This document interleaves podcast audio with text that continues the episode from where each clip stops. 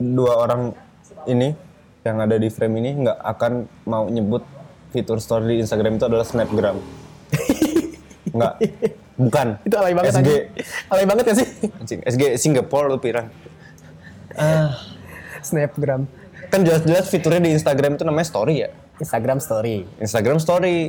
Jangan lu gabungin Snapchat sama Instagram yang punya aja beda. anjing. Snapgram. Kalau nggak Snap WA. ya anjing. Snap WA. anjing.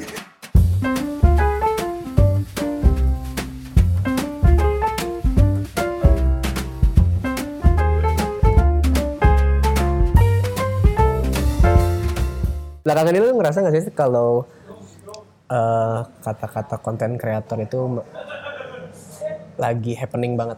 Hah? Eh, Ceng.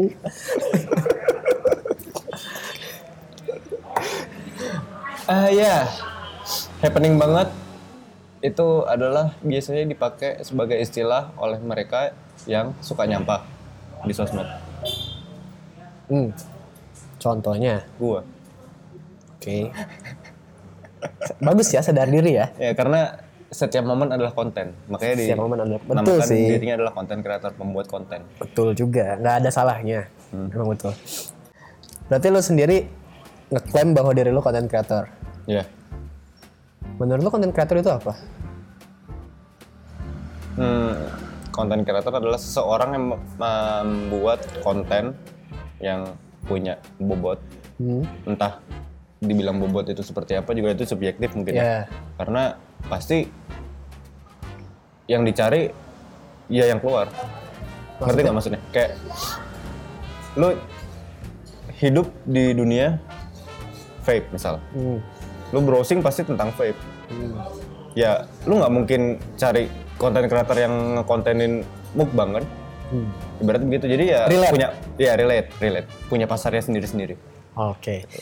Berarti menurut lu konten kreator itu memang literally create konten, orang yang meng-create konten. ya orang yang membuat konten Terus definisi konten itu adalah bukan. apa tuh gimana berarti Aduh, gua lupa lagi bangsa. Terus menurut lu dari perspektif lu, tadi kan lu ngomongin konten yang ada bobotnya. Hmm. Menurut lu konten yang ada bobotnya itu kayak gimana? konten yang ada bobotnya adalah konten yang bisa menginspirasi orang Contoh. menurut gue ya contoh traveling tuh termasuk menginspirasi karena itu bisa jadi panduan orang yang mau ke suatu tempat itu Oke. dia mau ke- cari tempat kemana-mananya supaya tahu Konten gue inspiratif gak? tentang kamera Ah, sangat inspiratif karena lo jadi punya panduan tentang kamera ini gimana, kamera ini gimana. Dan lo juga ngasih eh, kayak apa ya bahasanya berarti tips and trick mungkin. hmm. Ngasih tips and trick cara menggunakan kamera tipe ini harus digunakan seperti apa, tipe ini harus gimana lagi gitu-gitu. Tapi kebilang sotoy nggak sih menurut lu? Kalau orang-orang yang katakanlah memotivasi atau ngasih tips and trick kayak gitu, Subjektif. subjektif. Gimana yang nonton? ya. Kalau yang nonton emang gak suka sama lo, apa yang lo lakuin ya juga bakal dilihat negatifnya. Oke, kalau tapi kalau menurut gua sih, kalau penonton yang nggak eh, yang ngatain, ah lu sotoy, ah lu gimana, lu gimana yang negatif, Hmm. menurut gua ya lu bukan target audience gua, Iya, bener dong.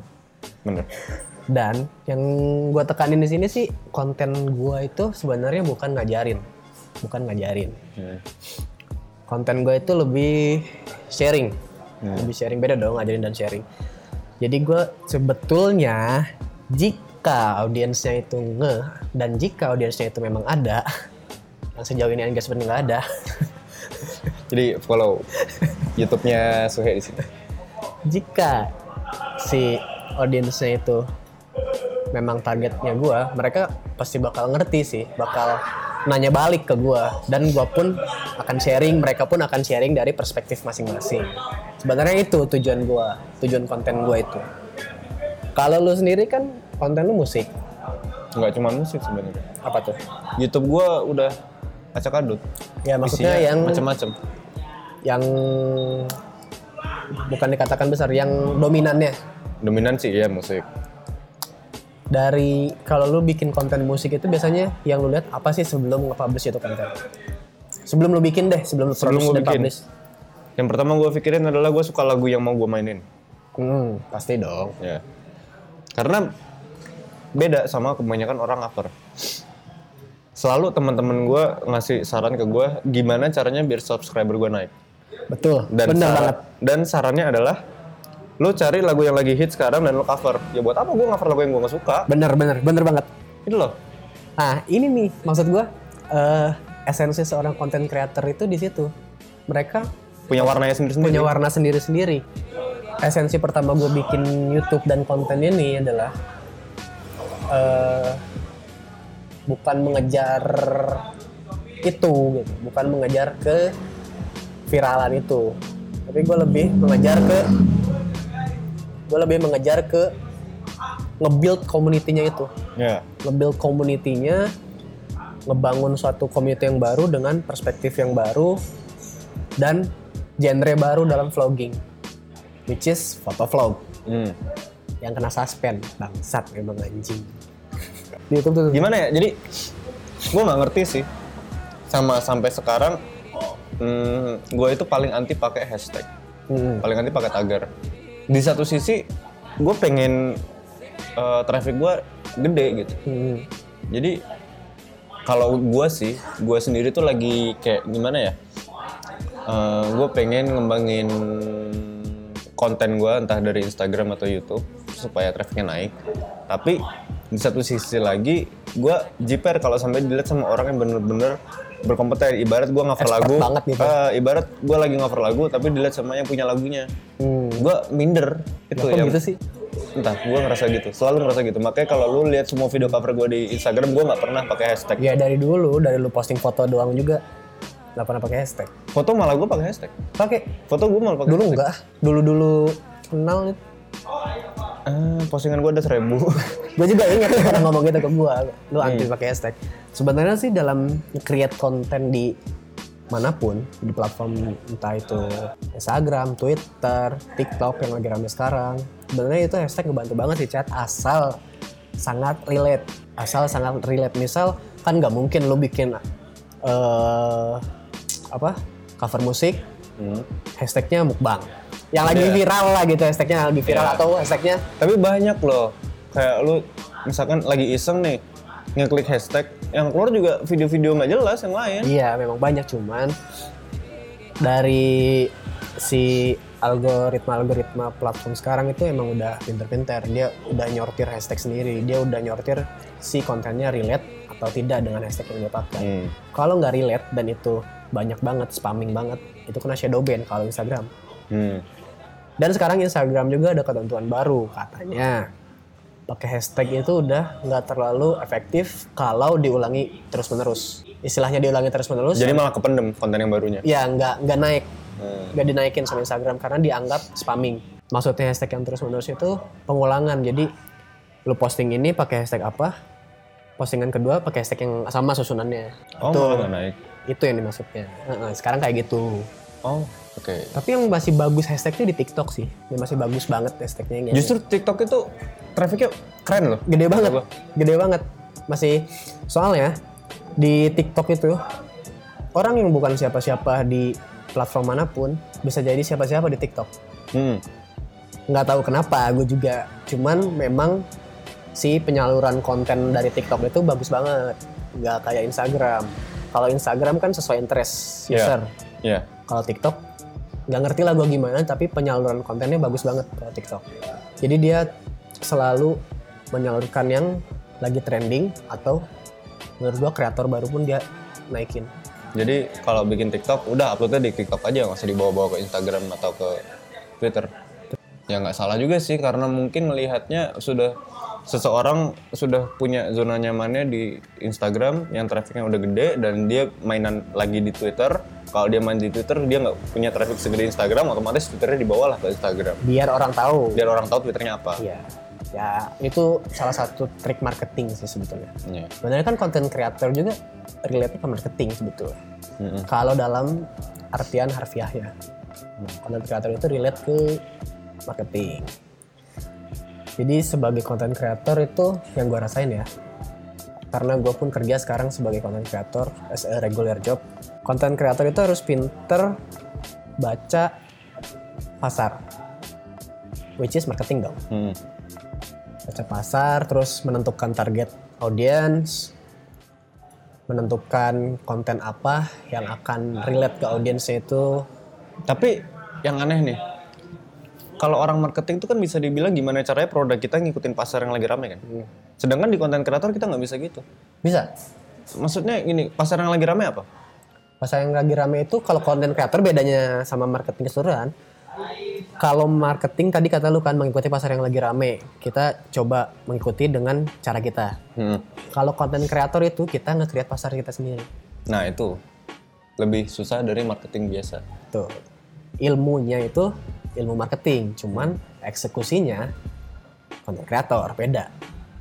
Dan Kalau kalau bahasa dulunya sih digital marketing, Chat. Lu pernah dengar? Iya, nggak? ya, digital digital marketing. marketing. kalau bahasa dulunya. Jadi kita lebih fokus mempa- memarketingkan produk atau jasa apapun barang jualan di media online. Duh, ngomongin digital marketing jadi keinget TH lagi gue. Shit man. Oke, eh, terus yang membedakan konten creator dan selebgram dan influencer dan Nah, ini lain-lain. itu kenapa apa? Kenapa bahasanya beda-beda padahal orang awam lihatnya mah ya sama yang punya Ya. followers banyak. kenapa gua ngebahas pengen ngebahas soal konten creator ini karena gua rasa masih banyak salah persepsi terhadap konten creator ini. Hmm. ya kebanyakan orang itu mikir konten creator itu mungkin termasuk kita dulu ya dulu kita mikir konten creator itu orang posting foto terus rame jadi selebgram oh konten creator orang posting apa yang rame viral oh konten creator orang posting foto selfie banyak yang like oh konten creator orang jadi influencer oh konten creator sebenarnya nggak salah nggak ada yang salah dari semua persepsi itu cuman menurut gua hanya mislead aja mislead aja dalam artian konten creator itu lebih deep down dari itu kalau menurut gua dan nggak banyak juga eh dan banyak juga kan yang orang ngaku-ngaku konten creator padahal kon- kontennya cuman selfie dia doang Foto liburan, atau liburan foto Wi- makanan. Iya, which is itu konten juga dong nggak Foto salah makanan- juga Foto makanan ada food- food blogging sih. which is itu konten juga sebetulnya Iya. makanya dimana gue bilang persepsi itu nggak salah hanya mislead hanya Itu dia yang gue maksud tadi bobot dari kontennya itu. Nah. Apakah menginspirasi trafficnya atau tidak? betul Apakah konten kreator itu bisa dibilang sekaligus dia adalah influencer? bisa Jelas kalau itu jelas ya. bisa bisa bisa banget Tapi konten kreator belum tentu selebgram konten kreator memang belum tentu selebgram memang betul karena yang doyan sama konten yang dibuatnya nggak banyak. Nah, jadi selebgram itu bonus menurut gua Hmm. jadi terkenal itu bonus sebagai lu konten kreator itu bonusnya jadi terkenal menurut gua begitu terus kalau lu sendiri cat lu mengelola konten lu tuh gimana sih apakah harus feed Instagram lu harus rapi kah atau harus konsisten posting kah hari, hari ini harus posting apa hari ini harus posting apa sehari berapa kali post Gue pengen ngepost ya pengen ngepost aja. Makanya story gue titik-titik, gue sering ngepost foto yang sama yang udah pernah gue post. Mm-mm. Tapi sebenarnya yang gua lihat ya, lu sering nge-reshare ak- postingan-postingan lama lu kan? Ya. Yang gua nilai nih, Ah. itu adalah cara lu untuk ngegait traffic baru. Ya. Betul nggak? karena postingan gue udah kegedean jadi gue nyadar kalau orang baru nggak akan niat untuk nge-scroll ke bawah kecuali kalau postingan gue dikit nggak akan gue lakukan seperti itu Baca saja sama gua. Baca itu adalah salah satu trik marketing. nah itu dia jadi jangan asal ngatain gue sampah Ada tujuannya sebenarnya ya, masing-masing kontennya itu. orang nggak semua tahu masa lalu gue orang nggak ada banyak yang tahu zaman SMA gue anak libom gitu kan yang doyan ngabis-ngabisin duit orang tuanya gue udah capek jadi kadang gue suka lucu sama lihat orang yang posting kemewahan padahal gue tahu dia masih mahasiswa Untuk sebagian orang, meskipun nggak banyak di sini ya, tertarik sama story Mm-mm. perjalanan milestone itu tertarik termasuk gua gue salah satu yang kalau lihat kreator gitu gue nggak langsung dari video baru dari video lama dulu gue pengen tahu perjalanannya gimana pasti konten paling lama itu konten paling jelek kan karena dia eh, baru memulai baru research gue suka hal-hal kayak gitu jadi ngelihat orang berproses dan ngelihat diri gue berproses itu suka aja gitu oh ternyata bisa ya kayak gini jadi jangan sembarangan lo ngatain orang yang nge-share memoris itu dikatain sampah. Yang paling gue sebel itu orang yang suka ngata-ngatain yang nge-repost-repost uh, please do not uh, apa jangan ngepost postingan feed lo ke story. Ya. Sering gak sih lo lihat? Sering. Nah gue paling sebel tuh emang Emang kenapa? emang kenapa gitu. Kalau lo nggak suka ya tinggal follow. Nah, maksudnya ya namanya orang nyari traffic gimana sih? Iya, karena orang bikin sosial media tuh, orang bikin Instagram tuh nggak semua tujuannya sama kayak dia gitu sama orang yang ngatain itu kan, nggak nggak semua sama untuk Ya, mungkin hanya yang- bersenang-senang. Mungkin yang ngatain itu dia nggak punya Nggak punya tujuan di akunnya. konten. Konten ada, Eh iya konten pasti ada. konten pasti ada. Maksudnya Nggak punya tujuan akunnya itu mau dibawa kemana? Iya, bener. Masing-masing platform itu punya niche-nya masing-masing. Hmm, Tahu kan niche? N I C H ya. iya. punya niche-nya masing-masing. Jadi, hmm, Itu menurut bukan nama gua- penulis ya Nietzsche. Hah? Bukan nama penulis ya Nietzsche. Siapa tuh? Nama penulis. Gak tau gue. Bukan ya? Oh, lu nggak tahu? Gak tau gue. Ada penulis namanya Nietzsche. Oh iya. Heeh. Ya niche-nya penulis berarti itu. niche-nya writing. Heeh, heeh. Jadi ak- menurut gua akan lebih memang akan lebih efisien kalau konten lu lu upload di platform yang nge-niche sama lu. Hmm. Which is musik itu SoundCloud. Foto itu Instagram, video itu YouTube. Ya. Tapi sekarang SoundCloud sih masih konsisten. Gua salut sama SoundCloud itu masih konsisten. Sekarang nih platform-platform eh, visual lagi pada berlomba untuk jadi nomor satu. Hmm. Instagram udah mulai waktu mulai ada story itu kan Ya. kayak Snapchat Hmm. udah udah versus Snapchat. Kita dua orang ini yang ada di frame ini nggak akan mau nyebut fitur story di Instagram itu adalah snapgram. Nggak. Bukan. Itu alay banget SG. anjing. Alay banget ya sih Anjing, SG Singapore lu pirang. Ah, Snapgram. kan jelas-jelas fiturnya di Instagram itu namanya story ya. Instagram story. Instagram story. Jangan lu gabungin Snapchat sama Instagram yang punya aja beda aja. Snapgram. Kalau nggak Snap WA. ya anjing. Snap WA gue pernah itu lagi chat sama cewek ya pokoknya gue lupa awal pembahasannya apa gue nanya ada yang komen nggak itu di story kamu posting foto aku nggak kayak gitu terus dia bilang "Hmm, di SG nggak ada sih tapi adanya yang komen di SW apaan lagi SW anjing gue pikir snap WA dimaksud bocil ganggu anjing salah gue deketin ababil bahasanya begitu WA. Snap. Itu gue pertama di pertama ngelihat kata-kata itu ya. Tulisannya itu bukan SW. hmm. Snap WA, S N A P WA. Eh, Jadi gue bacanya snap wa. Hah, apaan nih? Gue pikir bahasa Sunda gitu kan, Ah, wa, wa, wa, gitu. eh. Snap wa, apaan snap wa? Ah, si anjing, anjing kata gue. Oke, balik lagi ke pembahasan tentang konten kreator itu sendiri. Gue sempat baca artikel nih, Chat. Eh, ada dua artikel. Yang satu artikel lokal, yaitu dari ekrut.com tentang 6 langkah cara menjadi content creator yang andal di startup. Yang kedua, dari State of Digital Publishing, which is niche banget dong. Nah, dari yang pertama ini, dari yang ekrut.com ini, mereka nyebutin konten kreator itu sebutan bagi orang yang bekerja dengan menciptakan konten atau media yang dibagikan seorang. Betul, gue setuju. Saat ini, pekerjaan konten kreator semakin populer di dunia kreatif. Akan tetapi, untuk menjadi konten kreator tidak mudah lantaran harus menciptakan beragam jenis konten sekaligus menulis tulisan hingga video layaknya seorang blogger, vlogger, dan podcaster. Menurut gue itu masih mislead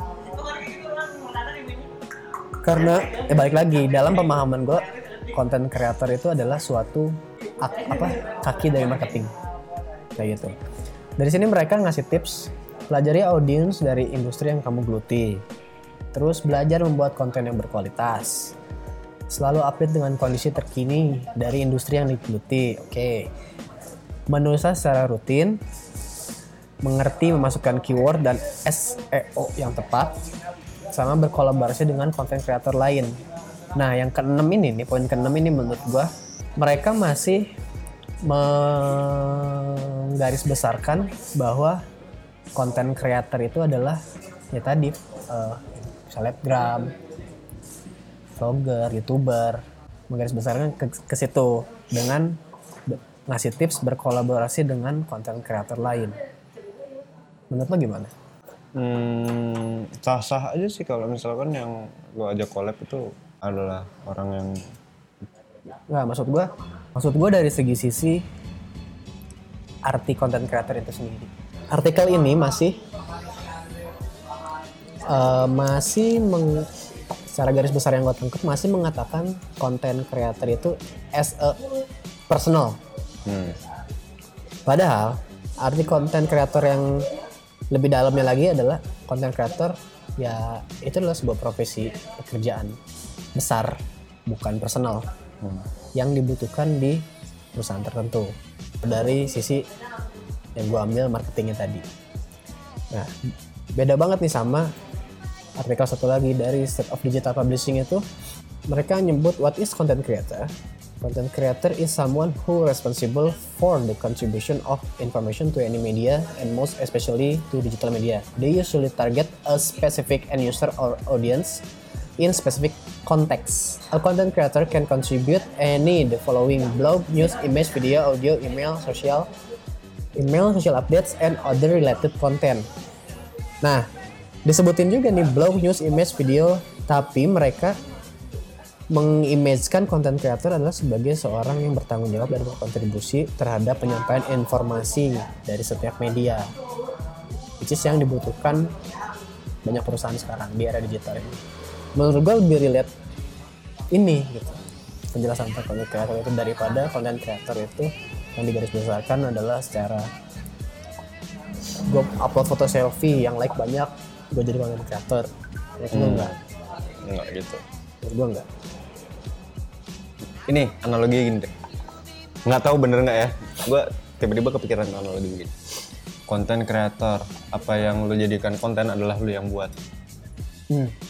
Lo bikin video cover musik atau lo bikin blog, lo lagi jalan-jalan kemana, lo yang buat momen itu. Lo yang ngerjain coverannya. Lo yang jalan-jalan. Lo posting jalan-jalan lu momen lu seperti apa, lu jadiin vlog. Kalau lu posting foto lu selfie, muka lu bukan lu yang buat. Terus tapi fotonya dia yang buat foto dia yang buat. gimana tuh Tapi apa yang dia foto, apa yang dia dokumentasikan, itu adalah bukan sebuah eh, gimana jelasinnya ya? Karya. oke Yang dia posting itu bukan sebuah karya. Yang dia dokumentasikan bukanlah sebuah karya. hanya kenarsisan hanya kernasisan beda walaupun lu foto selfie terus terus lu foto di sebuah landmark negara Hmm. foto di situ dengan gaya yang bagus lu editing lagi grading lagi foto lu dengan bagus judulnya sama-sama narsis kan foto-foto liburan tapi ada effort ada karyanya Ada effort. effortnya tolonglah beda gitu loh terus eh konten creator itu sebetulnya bener sih enggak kita harus punya writing skill yang bagus hmm, sekarang lu kalau foto selfie gitu terus captionnya itu cuman aduh makan apa ya hari ini gitu aduh pipi tembeman males gitu itu sebenarnya menurut gue hanya sisi kenarsistikan lu konten kreator yang bener itu adalah menurut gua kayak tadi lu misalkan liburan ke Paris foto di Menara Eiffel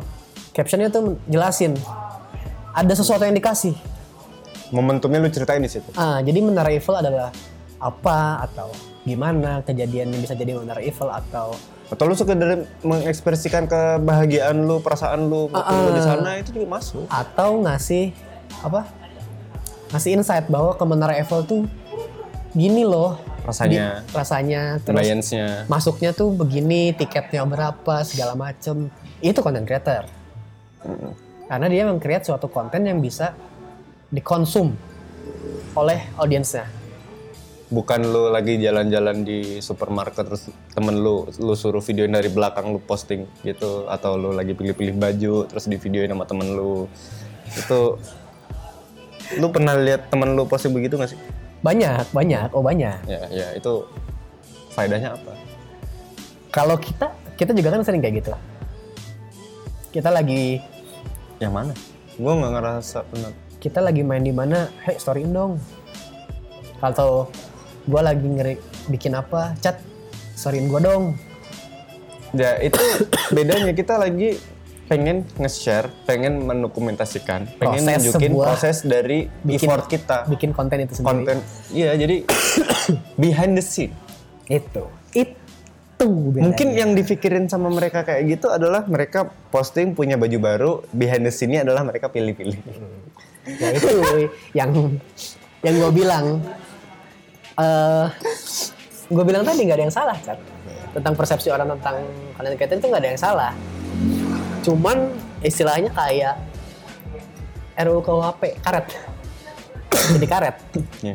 itu sih menurut kita ya Mm-mm. itu sih semua semua opini itu pure menurut kita pribadi pure dari apa yang kita lihat pribadi kita nggak tahu sih kalau orang yang dengerin ini punya pandangan yang berbeda atau gimana ya silakan gitu kita hanya nge-share apa yang menjadi keresahan kita tentang content creator ini yang which is menurut gua content creator itu lebih dari sekedar narsistik kita sharing bukan ngajarin ya kita sharing sharing bukan menghakimi betul itu yang harus digarisbawahi jadi kita terima saran dan kritik kritik kita terima kritik bukan terima kata-kata bukan terima hujatan. hujatan hujatan kita terima kritik bukan terima caci maki Ngebang lu so tau Nah itu namanya cuci maki Gitu jadi Ya itu sih kesimpulannya dari gua Kalau lu gimana? Sama? sama Sama Oke lu pertimbangin dulu apa yang mau lu upload apakah itu berbobot atau tidak Ya jangan mentang-mentang lu punya followers banyak Lu upload foto selfie terus Lu nggak ada faedahnya gitu kan Lu merasa diri lu content creator Edan gitu nikah bukan konten Nih nikah bukan konten apalagi nikahnya giveaway lagi mau nanya pendengar sih tapi nanyanya gimana ya mereka kan nggak bisa komen kalau di podcast komen di IG gue aja dah Iya, komen di IG gue aja ya, dah menurut kalian Mau nanya konten apa? kreator itu apa komen di IG-nya Icat karena IG gua lagi puasa posting feed karena kasus kemarin kalau lo yang kepo lo bisa lihat ke IG gua Hesue underscore situ gua highlight tuh ada yang gambar emoticon tai dan Mhm. ada highlight Britney first lo bisa lihat di situ kenapa gua puasa posting feed IG oke jadi cukup sampai di sini aja dulu pembahasan untuk podcast kali ini podcast kali ini tentang content creator. Mungkin kalau misalkan ada materi lain tentang content creator nanti kita bisa bikin part 2-nya. Oke, sekian aja di podcast bohongan kali ini. See you on the next episode and have a good day. Wow, itu tagline gue di YouTube. See you. sudah